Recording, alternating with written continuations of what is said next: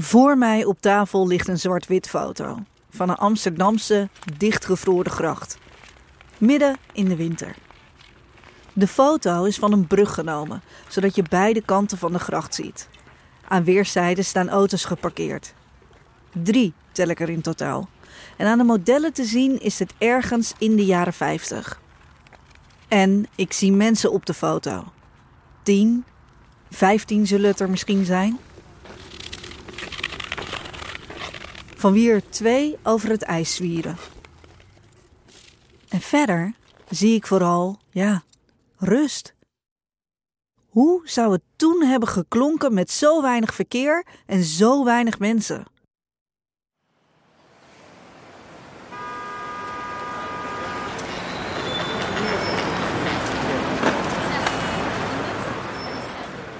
Ik kan het me bijna niet voorstellen.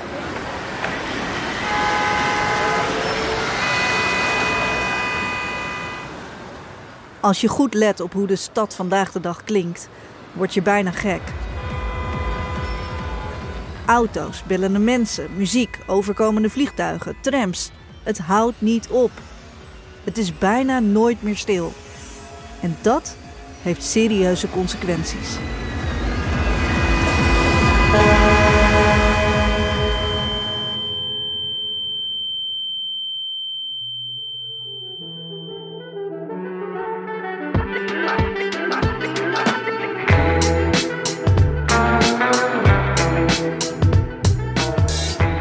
Je luistert naar 180 graden, een podcast gemaakt door mij, Charit Alles.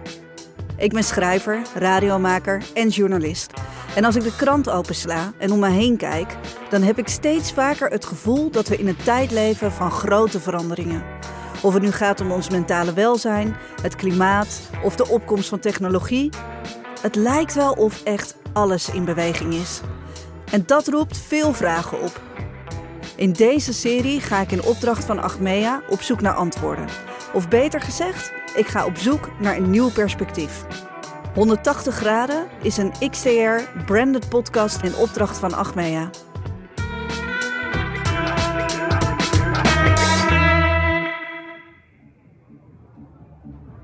Ik woon in de stad, in een rustige straat die grenst aan een drukke doorgaande weg. Tegenover mijn huis is een evenemententerrein waar het hele jaar door van alles plaatsvindt.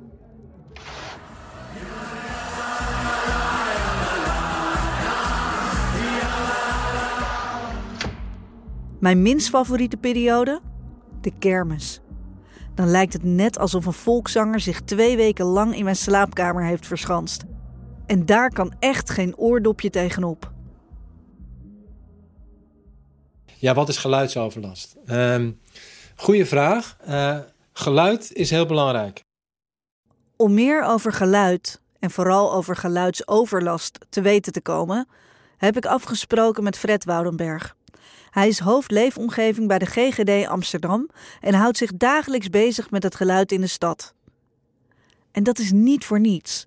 Geluidshinder heeft namelijk een direct effect op onze gezondheid.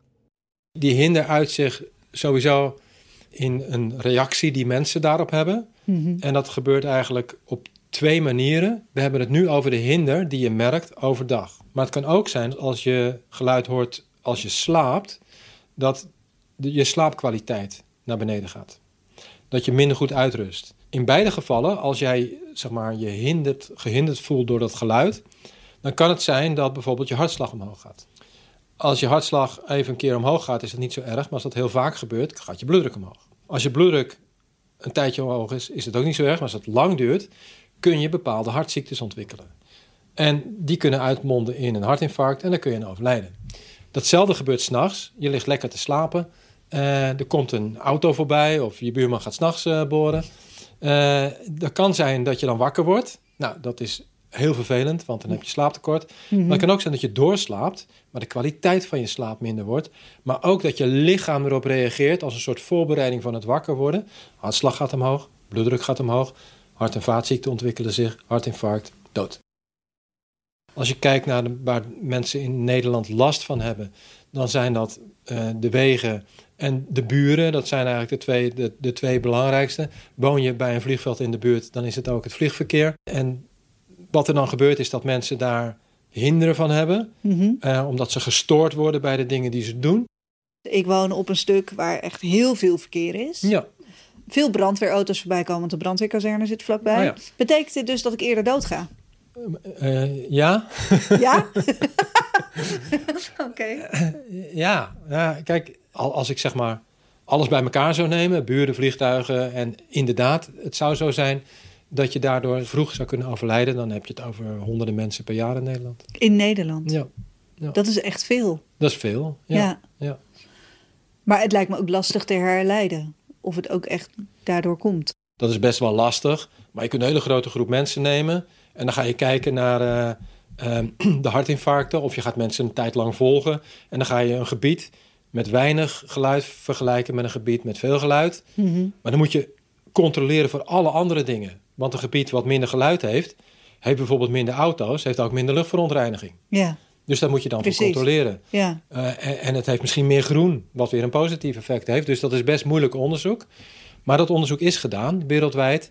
En dan, dan is, is duidelijk dat eh, met name dat wegverkeer, daarvan is bewezen dat het een bijdrage levert aan die hart- en vaatziekten en mogelijk eh, hartinfarct en vervroegd overlijden.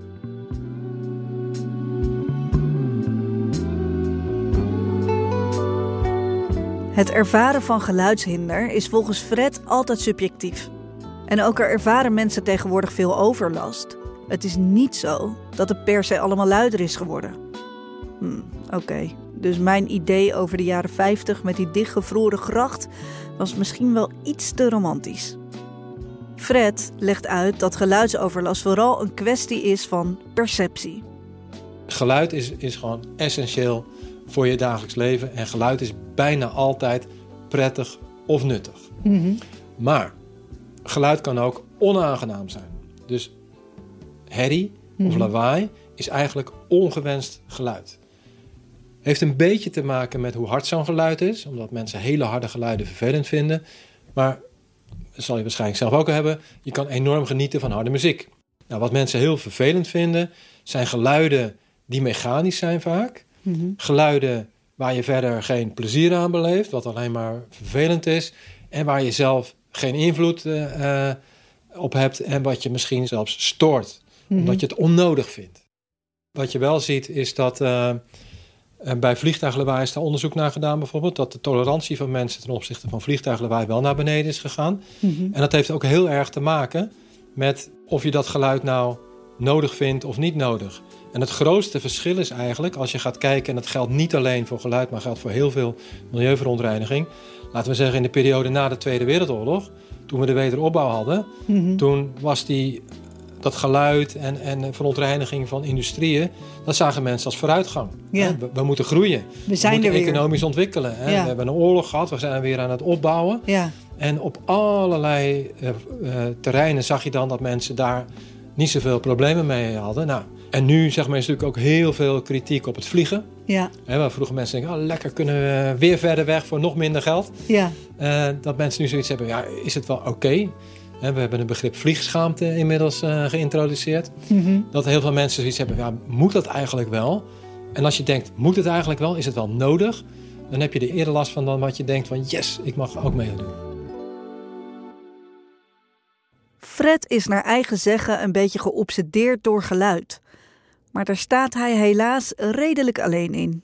Ik werk voor de gemeente Amsterdam.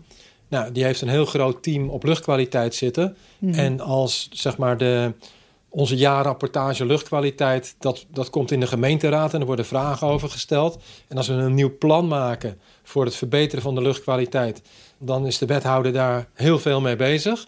Ja, en, en als je een voortgangsreportage geluid hebt, dan is dat soms een soort hamerstuk van, ja, oké. Jaren geleden waren de normen voor luchtkwaliteit nogal vervelend voor het bouwen. Dus ook bouwplannen hadden daar last van. Nou, dat is opgelost door eigenlijk lucht schoner te krijgen en de auto's schoner te maken. Mhm. Voor een groot deel. Ja, bij, bij geluid wordt het opgelost eigenlijk door de normen nog iets hoger op te rekken. Ah, dus die worden gewoon veranderd, Ja, eigenlijk wel. Ja. waardoor er minder geklaagd wordt. Nou, het klagen blijft hetzelfde. Alleen juridisch gezien krijg Juridisch je net wat meer ruimte. Om, eh, Precies. en dat is eigenlijk, zie je in de regelgeving, zie je dat, dat voor, voor luchtkwaliteit wordt het steeds strenger. Mhm. Maar ook omdat het succesvol naar beneden te halen valt. En bij geluid, daarom die underdog, zeg maar, is, komt er altijd een beetje bekaaid vanaf. En eigenlijk is er een heel ingewikkeld stelsel van regels voor geluid ontstaan. Eigenlijk is het best wel raar. Geluidshinder lijkt nauwelijks serieus genomen te worden. En dat terwijl het dus allerlei gezondheidsklachten veroorzaakt en er jaarlijks zo'n 100 mensen aan overlijden. Het zou dus logisch zijn dat het onderwerp veel hoger op de agenda zou staan en dat we het er veel meer over zouden hebben.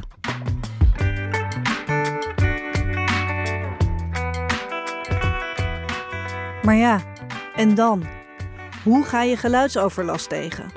Auto's verbieden in de stad, Schiphol sluiten, brandweerauto's zonder sirene laten rijden?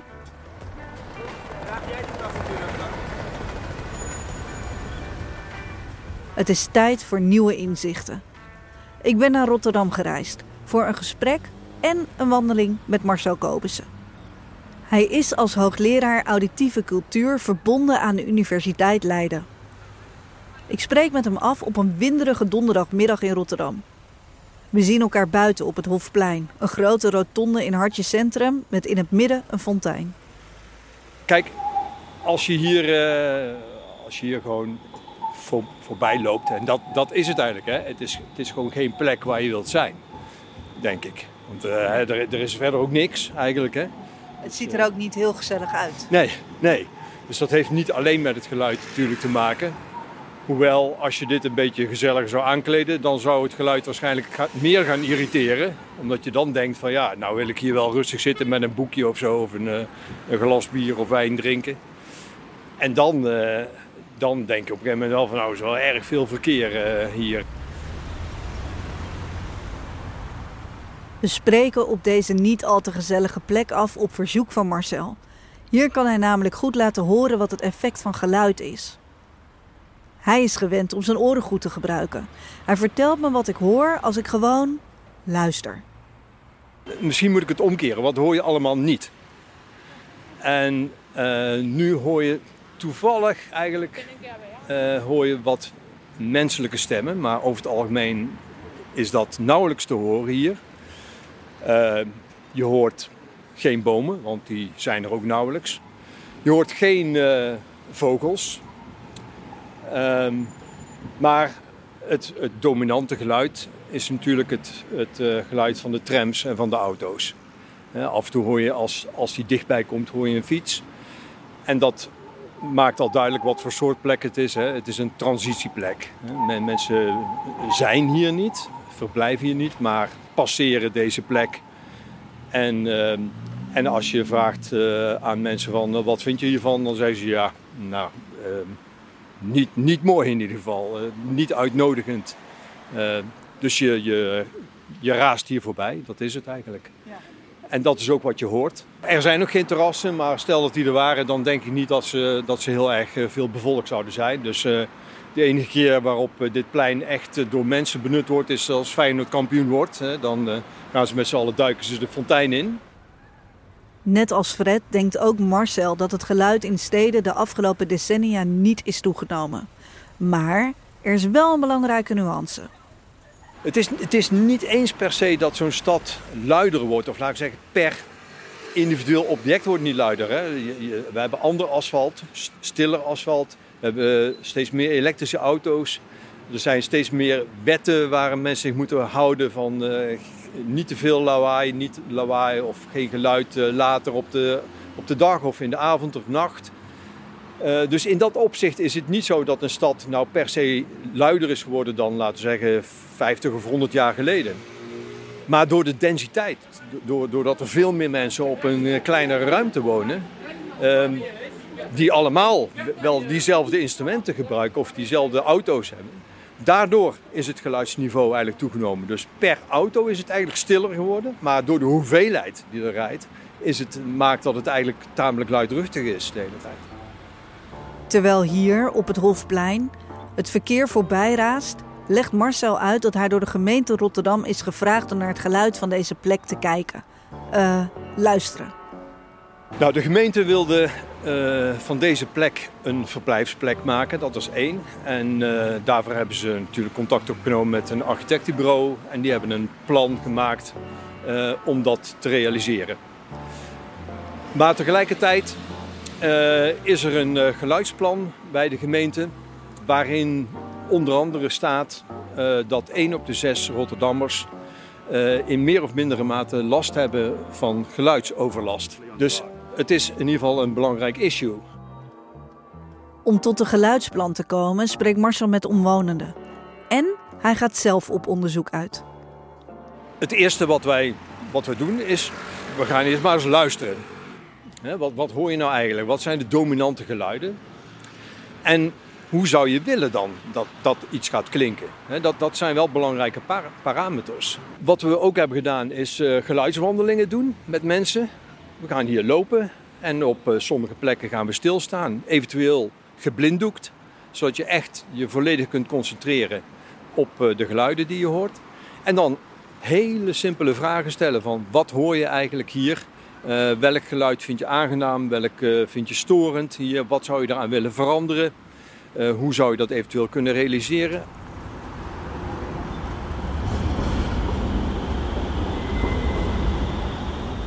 We nemen de proef op de som en we lopen tegen de klok in over het Hofplein, over de zebrapaden, langs de trams en de auto's en de fietsers om ons heen.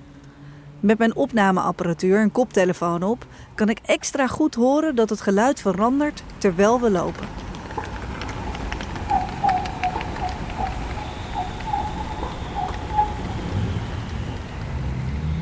Maar soms zijn die verschillen tamelijk subtiel, maar ze zijn er, ze zijn er echt wel. Uh, het, uh, op het moment dat je al een, een meter verder afstand neemt, dan, dan klinkt eigenlijk uh, zo'n plein al anders. En hier sta je natuurlijk dan dicht, uh, veel dichter op een tram, dus die hoor je dan wat, uh, wat sterker.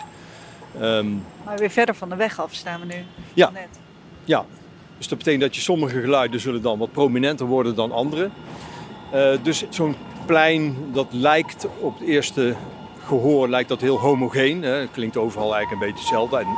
Maar het gaat eigenlijk om die kleine verschillen die maken dat je ook op ideeën wordt gebracht over hoe dat je hier zou kunnen ingrijpen om het een plein te maken wat, waar het wat aangenamer vertoeven is voor mensen.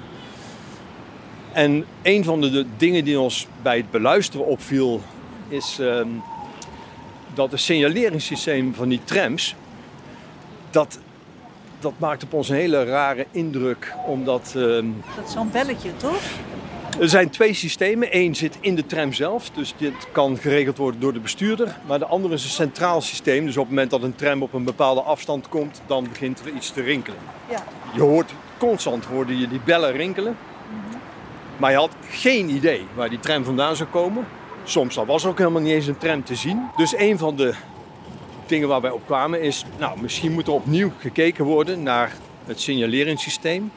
Zodat de waarschuwing die daarvan uit moet gaan ook alleen maar terechtkomt bij de mensen voor wie dat bedoeld is. En niet dat het hele plein kan meegenieten van al dat uh, getingel. Dat getingel had twee onbedoelde effecten. Aan de ene kant waren er mensen die in de stress schoten van het getingel, terwijl ze niet konden zien waar de tram vandaan kwam. Aan de andere kant waren er mensen die het niet eens meer opmerkten, omdat ze zo gewend waren aan het geluid. En dus heeft Marcel een paar ingrepen gedaan. We hebben nog meer ideeën daarover om het nog beter te maken. Um, maar in ieder geval is, er, is daar een begin gemaakt uh, met het uh, aanpassen van het systeem. Zodat het nu uh, wat, wat, wat beter eh, afgesteld is dan dat het eerst was. En hoor je daar dan, krijg je daar dan ook feedback op? Dat is natuurlijk wel vaak het probleem. Op het moment dat je aanpassingen doet, dan, zullen mensen, dan zal dat mensen niet onmiddellijk opvallen. Tenzij je heel rigoureuze ingrepen gaat doen waardoor het echt zo totaal anders gaat klinken. Maar zelfs dan zal de gewenning vrij snel zijn. We zijn eigenlijk niet zo gewend om over ons uh, luisteren, zeker in publieke ruimtes, te praten.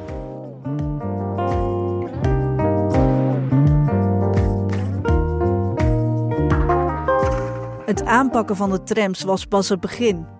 Uiteindelijk heeft hij vergaande ideeën over hoe het Hofplein een fijne locatie kan worden om te verblijven.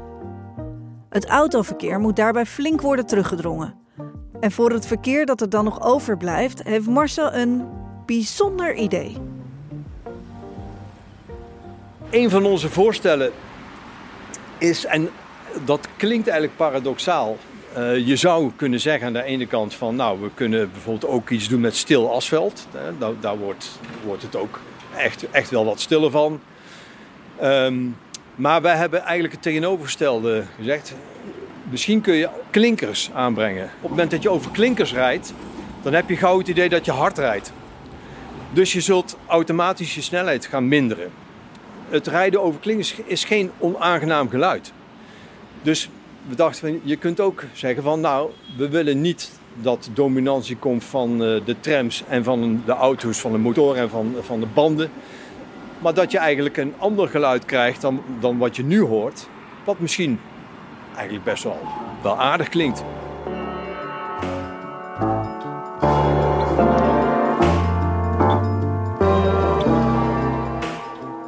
Dit soort ideeën zijn volgens Marcel niet uit boeken te halen.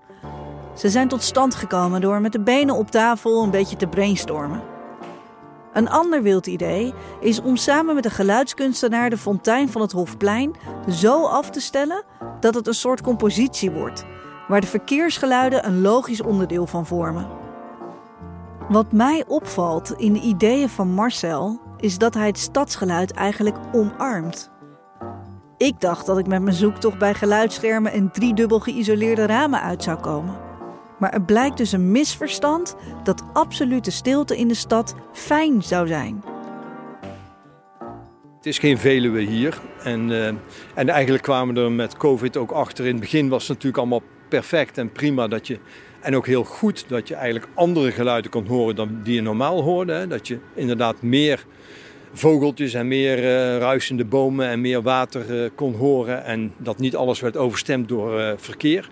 Maar tegelijkertijd maakte ze ook een onrust van mensen meester. Hè? Dat je dacht van, maar dit is niet mijn stad. Want die, die klinkt toch echt heel anders normaal. je hoort niet meer kinderen naar school gaan of mensen s ochtends vroeg wegrijden naar hun werk toe. Of ehm, winkels die open gingen en waar muziek uitkwam en zo. En dat, dat was ook een gemis eigenlijk. En je moet ook een stad niet zo radicaal willen veranderen dat het uh, lijkt alsof je midden in de woestijn zit. Vanaf het Hofplein zijn we langs verschillende plekken in de stad gewandeld. Door Marcel ben ik steeds bewuster gaan luisteren naar alle verschillende geluiden. We eindigen onze wandeling bij het Luchtpark in Hartje, Rotterdam.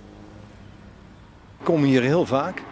En dit, dit is voor mij een van de een van auditief mooiste plekken van Rotterdam, uh, moet ik zeggen. Dus we zijn hier uh, in het luchtpark, uh, wat toekomstig Hofbogenpark moet gaan worden. het is een oud tracé van de trein die Rotterdam verbond met, met Den Haag, Rotterdam Hofplein station. En dat, daar willen ze nu een ecologisch park van gaan maken. Van zo'n 2,5 kilometer lang. Dit is een initiatief van de bewoners hier. Die hebben hier dus hier een uh, tuin uh, gemaakt. Uh, met fruitbomen en allerlei inheemse planten. Je hoort de stad. Nou, nu wordt het wat overstemd door het afzuigsysteem, ja. Maar je hoort de stad. Je hoort de trams, je hoort de auto's. Nu veel minder, maar tegelijkertijd hoor je het ruisen van de bomen. Je hoort de activiteit wel, maar het vermengt zich eigenlijk met de geluiden die je ook in de natuur hoort. En die, die mix, hè, we staan dus hier ook zo'n 6 meter boven straatniveau. Die mix, dan denk ik van ja, zo, zo kan een stad ideaal uh, klinken. Um, want je moet niet absolute stilte natuurlijk willen. En aan dit bijzondere bewonersinitiatief kunnen architecten, stedenbouwkundigen en andere plannenmakers volgens Marcel een voorbeeld nemen. Ik vind het wel heel belangrijk om te zeggen dat je geluid nooit als een geïsoleerd fenomeen uh, moet zien. Dus je moet het niet losmaken van allerlei andere ontwikkelingen. Hè. Op het moment dat je een rustige plek creëert waar mensen met elkaar kunnen praten, betekent ook dat je een, dat, die, hè, dus, dus het auditieve heeft ook invloed op de manier waarop mensen met elkaar omgaan. Het heeft met veiligheid uh, te maken. Dus je moet geluid ook weer niet als een apart fenomeen gaan bestuderen of bekijken of beoordelen. Maar je moet het in combinatie zien met van oké, als je wilt dat mensen hier rustig gaan zitten, verblijven, dat ze met elkaar kunnen praten, nou, dan moet je ook een auditieve omgeving scheppen die dat mogelijk maakt. Omgevingsgeluid dus op een creatieve manier vermengen met iets dat plezierig klinkt. Dat is volgens Marcel de truc. En dat kan op allerlei manieren. Bijvoorbeeld met de aanleg van een klein park.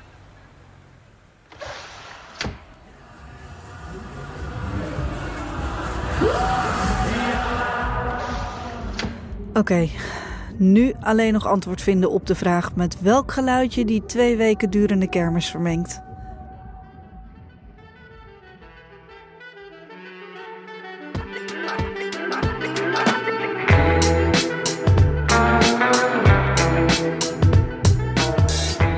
Dit was 180 graden, een podcast van Achmea. Bij Achmea wordt elke dag opnieuw nagedacht over grote maatschappelijke uitdagingen, zoals geluidshinder. En om impact te maken is talent dat ergens voor wil gaan onmisbaar. Meer weten over hoe het is om te werken bij een van de grootste financiële dienstverleners van Nederland? Kijk dan op werkenbijachmea.nl. Zorg dat je geen aflevering mist en abonneer je op 180 graden in de NRC Audio app of waar je dan ook podcast luistert. 180 graden is een XTR branded podcast in samenwerking met audio agency Airborne en Achmea. Mijn naam is Charit Alles. Dank voor het luisteren.